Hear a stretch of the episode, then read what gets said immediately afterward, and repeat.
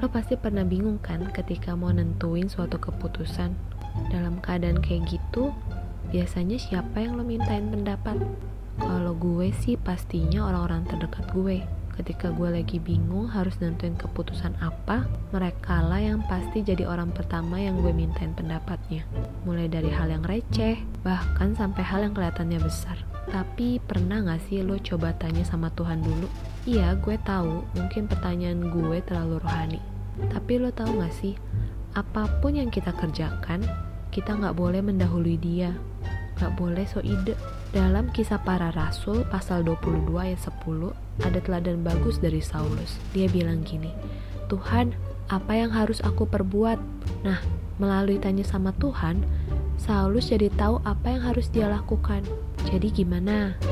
Masih mau tanya ke orang lain yang masih belum pasti atau tanya ke Tuhan aja? Kalau gue sih mending tanya Tuhan dulu deh.